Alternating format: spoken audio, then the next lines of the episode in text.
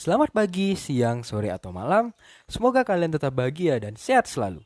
Kembali lagi bersama Poskubot Podcast Aku Bacot.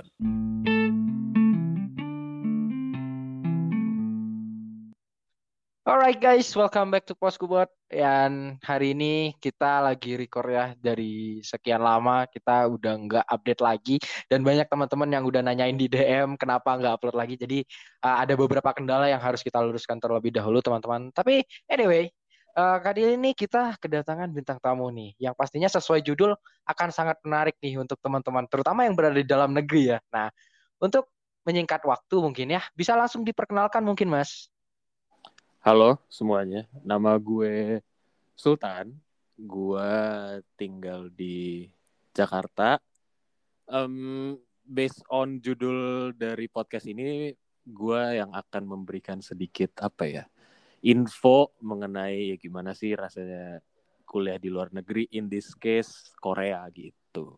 Alright, wah kita kedatangan bintang tamu yang wah pasti beberapa teman-teman yang udah suka sama K-pop or something like that, pasti bakal ke trigger nih. Nah, oke, okay. ya udah lama sih kita nggak ketemu ya. Nggak ketemu sih nggak akan pernah, nggak pernah ketemu sih ya. Eh, kita udah lama nggak ngobrol sih. Waktu itu kita ketemu di sebuah intern ya. Iya. Di sebuah sebuah Ada intern di sebuah company pip. kita sensor dulu karena kita uh, nggak disponsor ya. Tapi mungkin uh, orang-orang di company itu yang dengar podcast ini dan tertarik bisa banget nih kasih sponsor ke gua. Oke, gimana? Ini kita udah lama banget nggak ngobrol gila. Kita terakhir ketemu pun itu bahasnya kita bahas chat kerjaan gitu kan.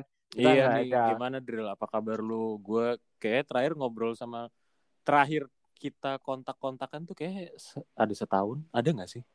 Ya hampir lah ya. Soalnya gue udah lumayan lama sih udah uh, beres sih masa kerja gue di situ ya baik-baik aja sih cuman ya selama hmm. orang kuliah mentalnya ya you know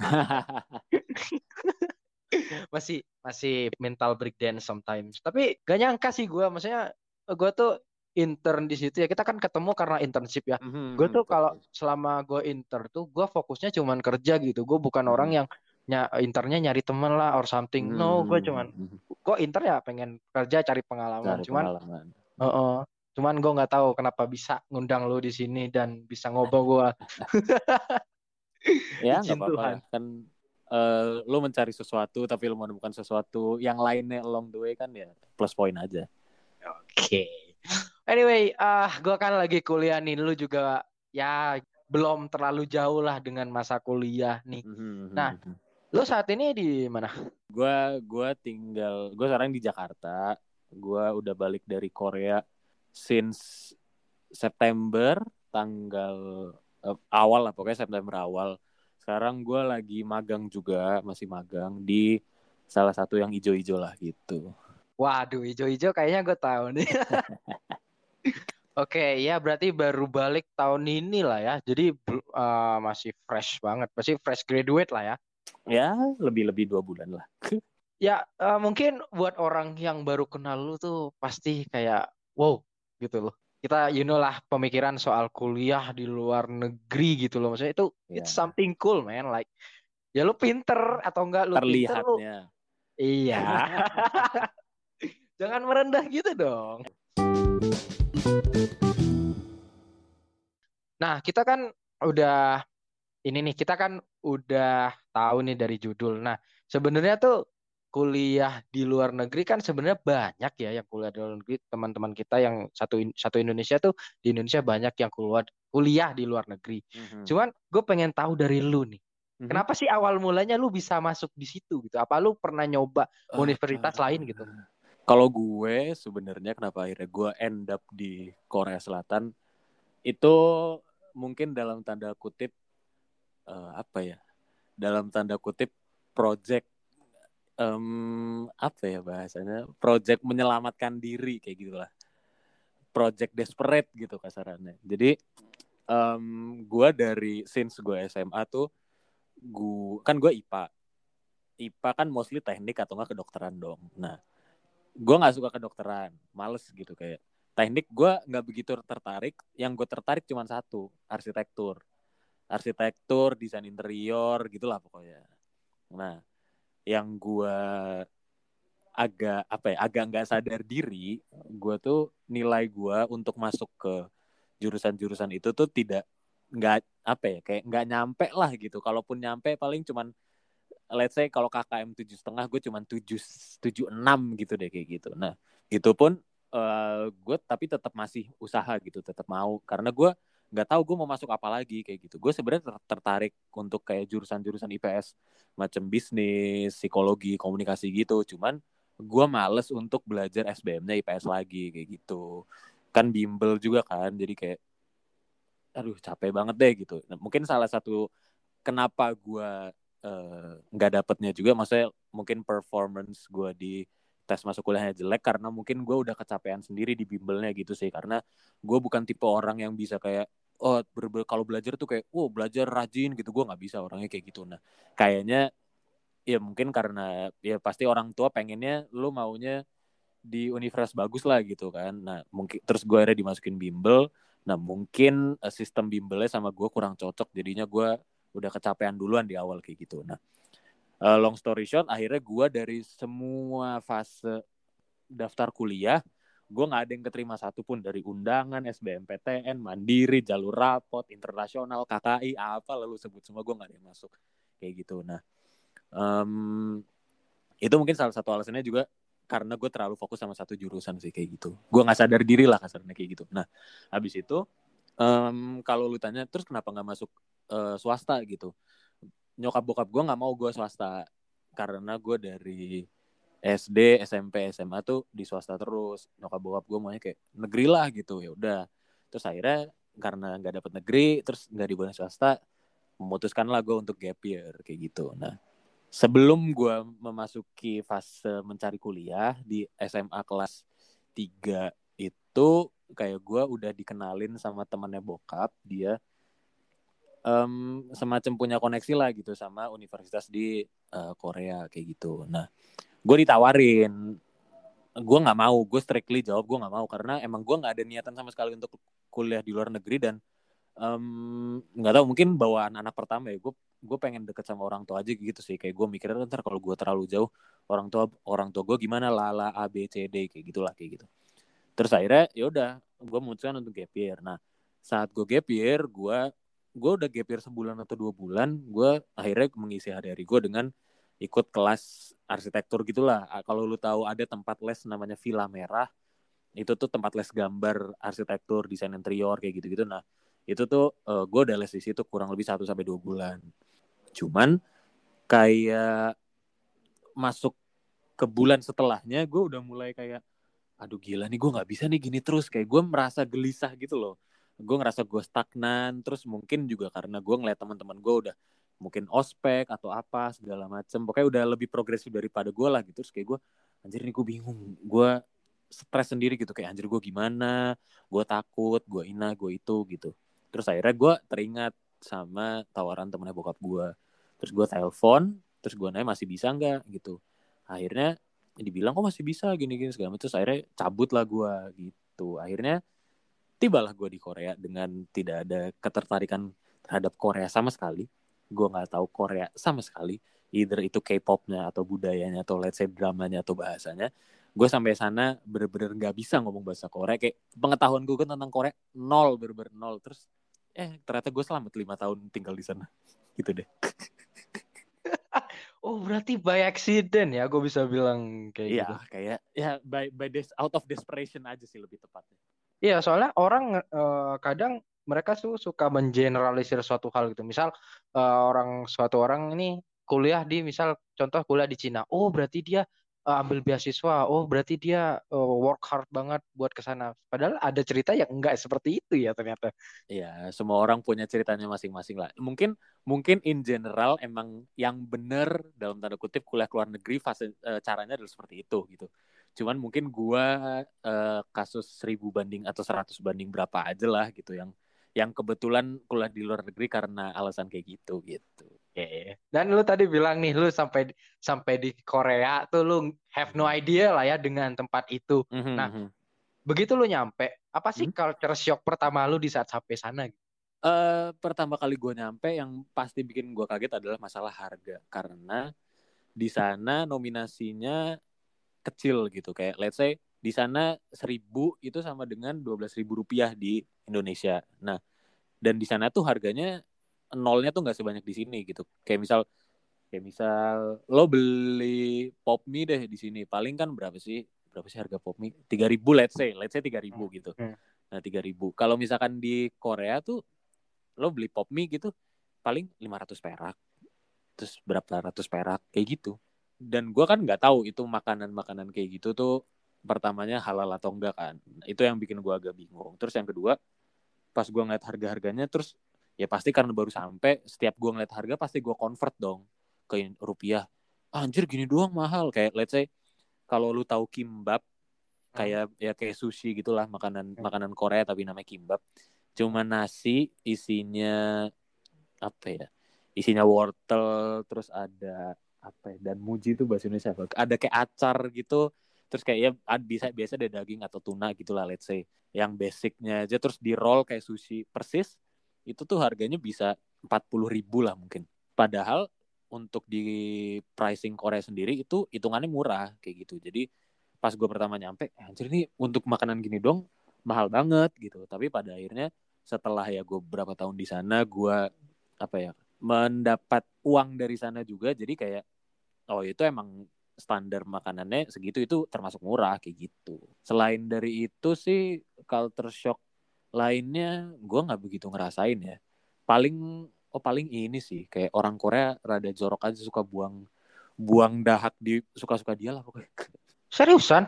Serius kayak ya kayak ya nggak nggak mungkin gue peragain di sini karena yang denger pasti kayak jijik juga jadi kayak, yeah. jadi kayak ya ya lu tau lah orang buang dahak kan pasti ditarik dulu terus dia bersuara gitu kan hmm. itu tuh kayak itu bisa di mana aja suka-suka mereka gitu kayak. Bu nggak nggak sesuka suka itu tapi kalau lu di pinggir jalan kayak udah pasti ada lah orangnya kayak gitu gitu. Nggak cowok nggak cewek ya. Wah buset. Gue kira uh, masyarakat kita tuh yang paling nggak bisa behave ternyata.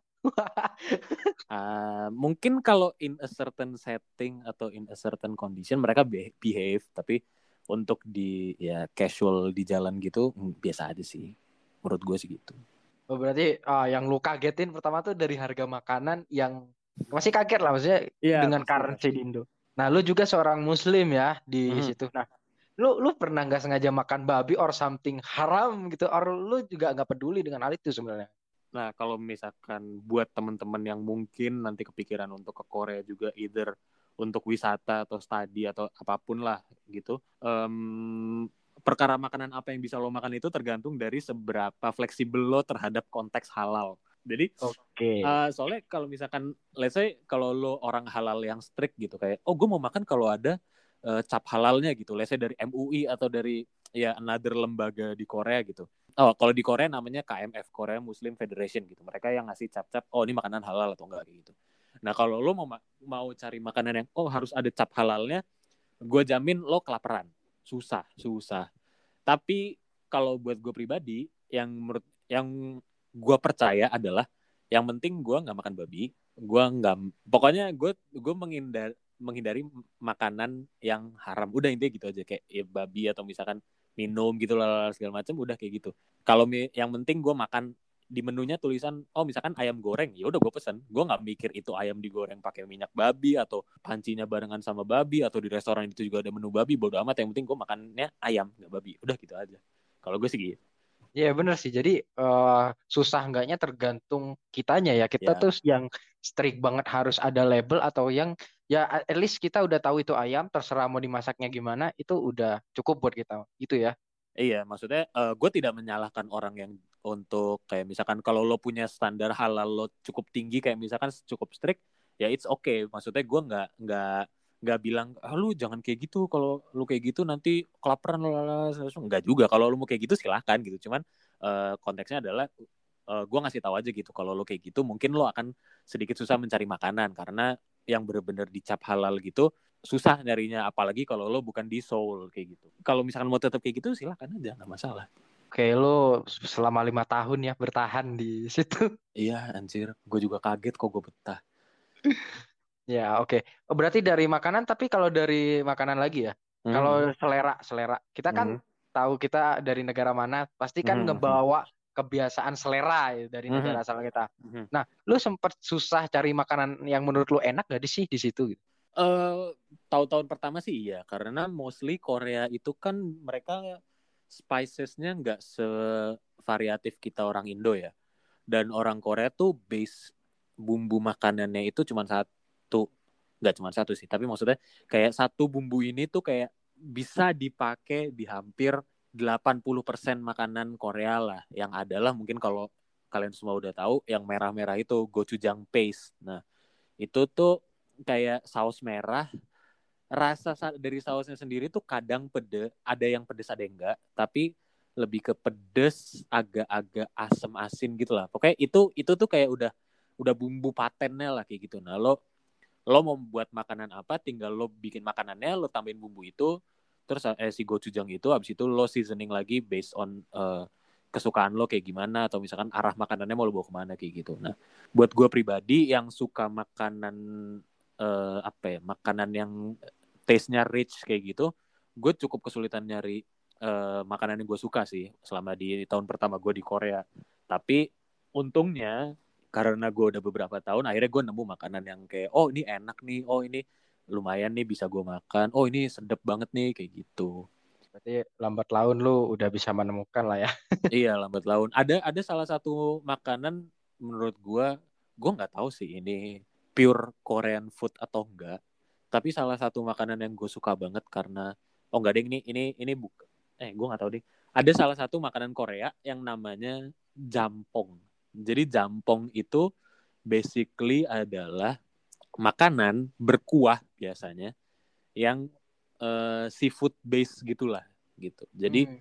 kayak itu tuh rasanya apa ya seger gitu loh pedes. Mungkin mirip-mirip tom yum kali ya kalau kalian pernah makan tom yum mungkin rasa-rasanya mirip-mirip tom yum atau sotomi Bogor juga mungkin kayaknya ya mungkin mirip-mirip kayak gitu kayak pedes-pedes aseman asem seger gitu deh kayak gitu Ya sebenarnya sama sih. Gue tuh juga sebenarnya bukan orang Bandung ya. Gue adalah di tempat antah berantah Jawa Timur.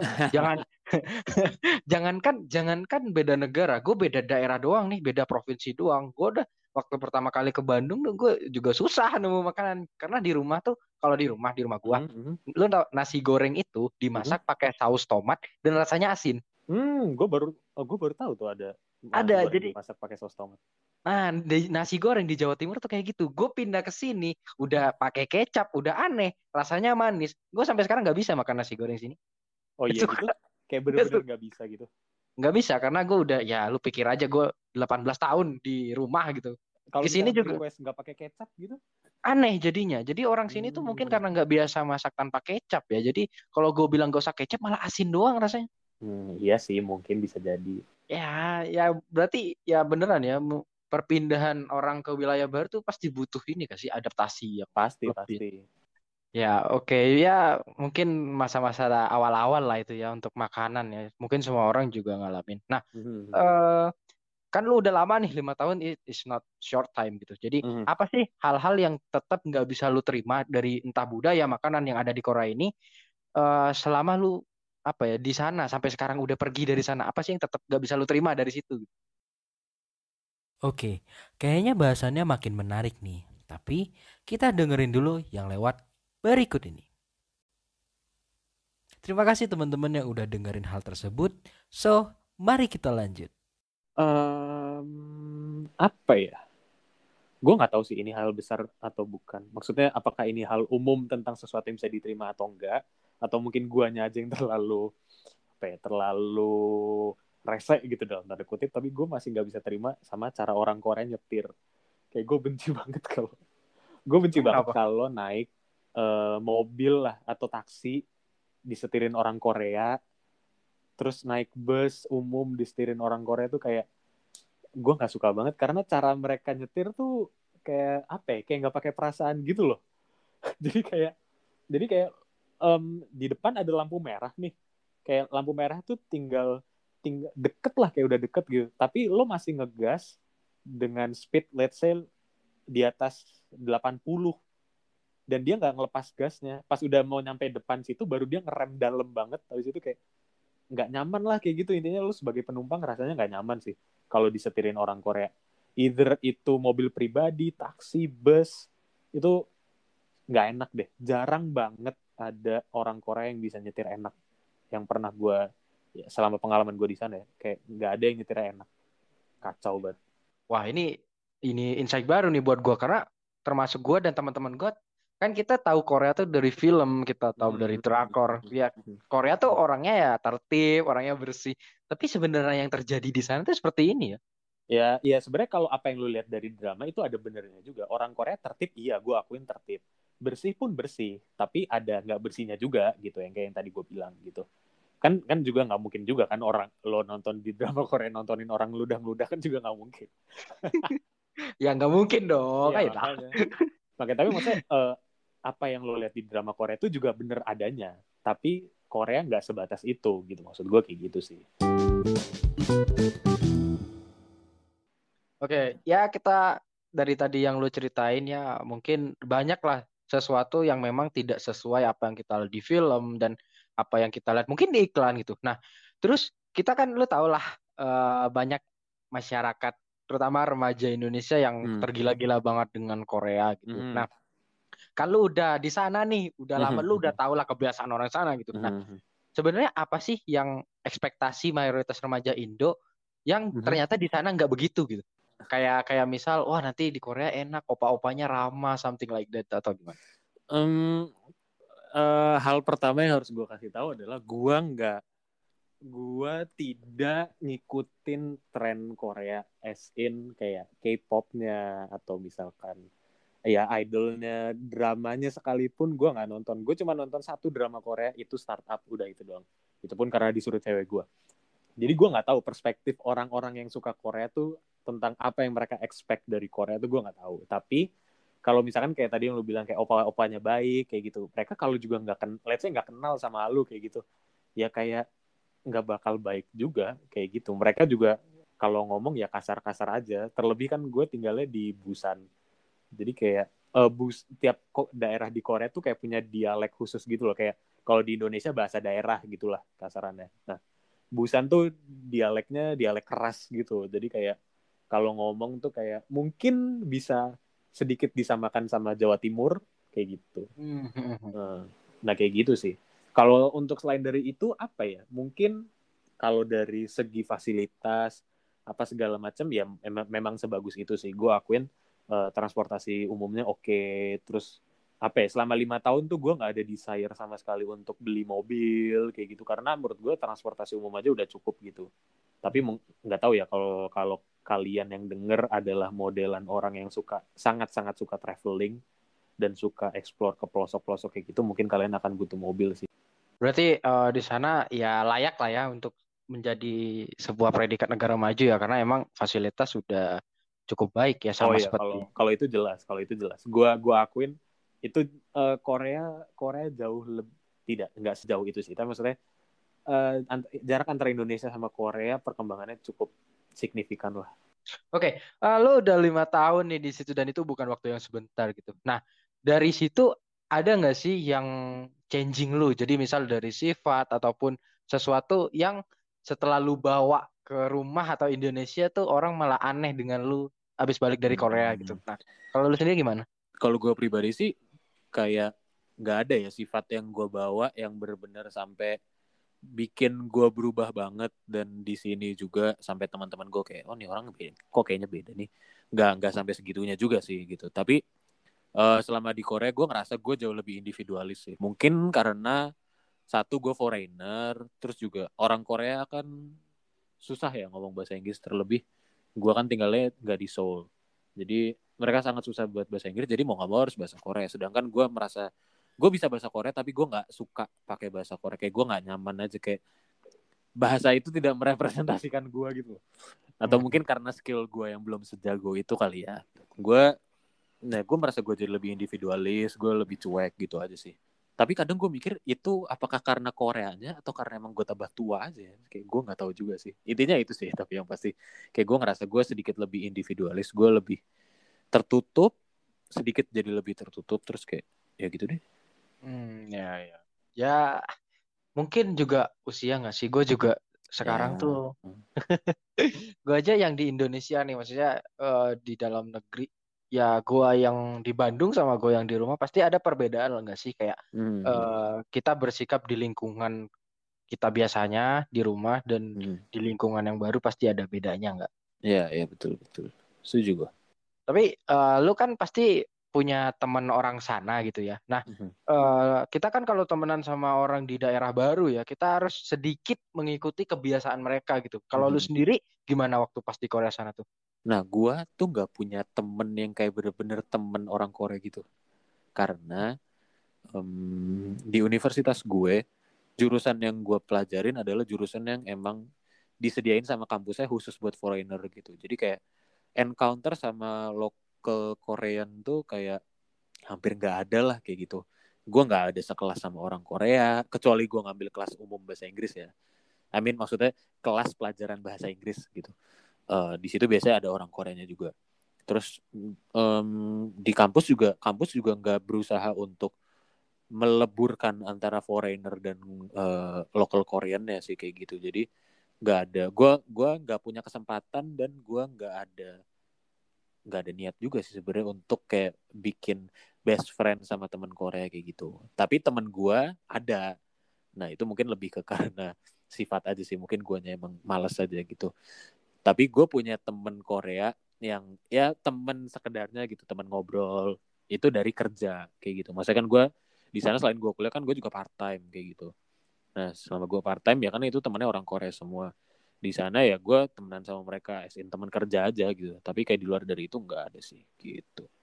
Cuman gue pernah denger eh se apa ya sebuah fact ya. Gue gue nggak tahu nih bener apa enggak makanya gue Mhm. pengen nanyain ke lu. Hmm. Jadi ternyata orang Korea tuh sebenarnya nggak ramah gitu. Mereka tuh nggak ramah ke orang asing. Hmm, Iya dan tidak.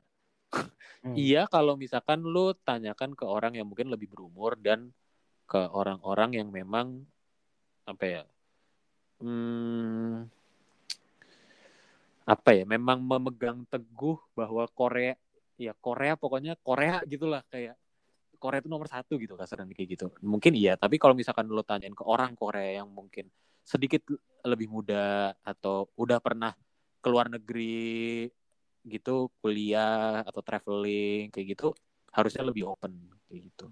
Intinya kalau lu nggak bisa bahasa Korea mereka akan kayak hah ini orang ngapa sih gini? Tapi sekalinya lu bisa bahasa Korea even kayak cuman halo iya terima kasih nama gua lalalala oh dia ngomong sama lu bisa 30 menit nggak habis-habis. Meskipun lo lo udah ngomong lo nggak lo nggak ngerti dia ngomong apa dia bakal tetap ngomong Hmm, ya sama kayak dulu nggak sih si Barack Obama ngomong bakso kita langsung gitu. ya ya ya mungkin se se- segitunya sih kayak ya apa ya over nggak over proud kali ya ya gue nggak tahu lah terms yang benar untuk mendeskripsikan itu apa tapi kayaknya sih gitu yang gue rasain Hmm, Oke. Nah, lu kan sekarang udah lulus nih dari sana akhirnya. Akhirnya lulus ya. akhirnya lulus anjir setelah Nah, setelah lulus apa sih yang lu rasain? Entah lu kangen sama Korea atau mungkin lu merasa kayak wah gue jadi diri gue lebih baik nih setelah lulus. Lalu lu gimana? yang pasti iya gue ngerasa diri gue jadi yang lebih baik karena di Korea kan gue kayak bener-bener hidup sendiri gitu maksudnya ya ada temen ada temen orang Indo juga tapi apa ya gue kayak bener-bener menghilang me- meninggalkan kehidupan gue yang udah gue bangun tiga perempat dari hidup gue gitu loh kan gue menghabiskan seperempat hidup gue di sana terus kayak ya gue meninggalkan lingkungan gue gue meninggalkan teman-teman gue gue meninggalkan rumah gue gue meninggalkan bahasa yang sehari-hari gue pakai gue meninggalkan kenyamanan yang biasa gue terima gitu. Terus ya udah jadi di sana kan gue ya hidup sendiri gue ya masak sendiri kalau mau makan lu kalau mau mandi ya harus dulu gue di asrama kan jadi kayak harus ngantri terus harus apa ya lo harus bisa responsibel sama diri lo sendiri lo bangun pagi lo lo atur jadwal lo kayak gimana lo hari ini mau ngapain lo besok mau ngapain. Kalau misalkan lo nggak punya duit gimana? Kalau misalkan lo ada duit baiknya lo gimana? Gua kerja juga gue juga belajar gimana caranya hidup dari gaji yang gue terima. Gue belajar juga gimana caranya hemat ya gitu gitulah kayak ya bener-bener gue gue di sana selama di sana gue lebih ngerasa instead of academic gue lebih merasa social skills dan apa ya kedewasaan gue lebih lebih terbangun sih daripada akademiknya Tapi eh, selama lu di sana tuh lu bahagia gak sih? Wah ini pertanyaan klise sih, tapi ini Eh, menarik. em, i- eh, kalau porsi bahagianya kecil. Kalau ditanya bahagia, gue bahagia, tapi lebih banyak porsi tidak bahagianya. Karena kayak ya gue tidak nyaman dengan lingkungannya, dengan bahasanya.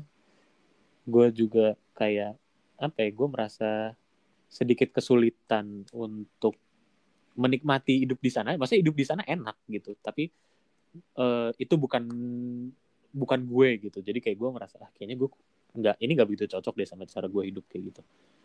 Terus juga apa ya? Hmm, ya itu sih secara garis besar kenapa yang bikin gue nggak begitu apa ya nggak begitu suka tinggal di sana kayak gitu. Tapi yang suka yang enaknya juga banyak. Kayak gue ngerasa ya karena mungkin karena gue tidak tinggal di sana tiga perempat hidup gue jadi kayak gue ngerasa oh ada suasana, suasana baru ada hal baru yang bisa gue explore ada hal baru yang bisa gue lihat ada hal baru yang bisa gue pelajarin. Terus kayak ya dari segi fasilitas di sana jauh lebih enak kayak transportasi umum terus juga apa kalau lu mau ke mana mau ke mana lebih gampang kayak gitu payment di sana juga lebih enak security di sana jauh lebih yang mungkin nggak jauh tapi seenggaknya lo lebih merasa aman kalau di sana. Terus juga apalagi ya kayak dari segi udara di sana enak banget parah. Kayak secara lingkungannya tuh jauh lebih enak gitu. Gue pernah gue sempat jadi gue kuliah terus gue balik ke Indo pas eh, liburan musim dingin. Terus abis itu gue balik ke Korea lagi. Nah pas gue balik Korea detik di mana gue keluar bandara kayak pintu bandara kebuka terus gue keluar bandara menghirup udara Korea tuh kayak kayak apa ya kayak kalau lu di iklan-iklan lu ngelihat orang tarik napas kayak enak banget gitu. Nah itu yang gue rasain kayak kalau di Indonesia tuh lu nggak bisa kayak gitu kayak mungkin bisa tapi lo harus ke tempat-tempat yang kayak gunung atau misalkan ya tempat-tempat yang masih asri lah kayak gitu. Tapi ini gue di kota gue masih bisa menghirup nafas yang seger yang enak terus kayak anjir nih enak banget di sini kayak gitu sih. Wow, ini kayak bisa jadi memotivasi teman-teman ya, yang mungkin pengen ke Korea. boleh boleh. Boleh banget. Tapi gue sarankan adalah kalau tujuan lo untuk ke Korea untuk traveling go for it. Tapi kalau tujuan lo ke Korea untuk tinggal either stay untuk kerja atau eh, atau untuk kuliah study gue menyarankan kalau lo nggak bener-bener suka Korea gue menyarankan lo cari negara lain. Tapi kalau lo emang bener-bener secinta mati ya nggak harus cinta mati juga sih tapi maksudnya kayak kalau lo bener-bener suka sama Korea kayak lo ada interest silahkan gitu. Tapi kalau lo nggak ada interest kayak gue cari negara lain. Ya mungkin ceritanya bakal beda kalau yang kuliah di situ orang yang benar-benar suka Korea ya. ya betul pasti pasti. Ini ini jangan dipikir maksudnya perspektif gue diambil terus kayak wah anjir ternyata Korea kayak gini gini gini gini gini. Enggak ini ini adalah perspektif dari orang yang sangat enggak sangat maksudnya dari orang yang tidak tidak begitu keep up sama Korean things gitu loh. Kalau lo tanya ke let's say orang yang emang bener-bener suka Korea mungkin ceritanya jauh lebih menyenangkan. Ya itu tergantung kita sih sebenarnya. ya betul.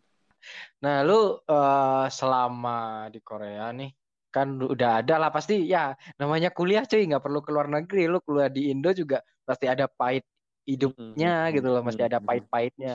Nah mhm. tapi lu bilang tadi eh apa bahagia ada pahit ada tapi eh, misalkan lu di apa dapat kesempatan entah itu lanjut kuliah ataupun kerja di Korea lu bakal ambil nggak kira? Hmm, gue harus bilang enggak. Kecuali, kecuali gue kerjanya tuh kayak misalkan gue kerja di kantor di Indonesia gitu.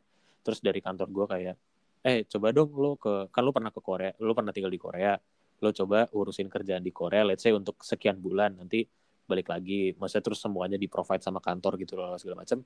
Gue nggak masalah dengan itu. Tapi kalau kayak gue ditawarin kerjaan dari Korea gitu, terus kayak gue suruh kerja di sana, itu atau mungkin gue S2 di sana gue harus bilang enggak sih ya gue nggak tahu sih ya kalau misalkan nanti in the future semoga ini ini tidak jinx. Tapi maksudnya em, kalau in the future ternyata emang rezeki gue ke sana ya ya mau gimana gitu. Cuman kayak kalau ditawarin gue nggak mau sih. Karena sebelum gue pulang ke Indonesia pun gue sebenarnya ada bukan ditawarin tapi ada ada sebuah lowongan yang gue merasa kansnya bisa gue untuk terima tuh besar gitu. Cuman setelah gue pertimbangkan gue ngerasa kayaknya gue lebih prefer untuk balik ke Indonesia aja karena gue nggak kuat dan gue nggak nyaman untuk tinggal jauh lebih lama di Korea sih kayak gitu.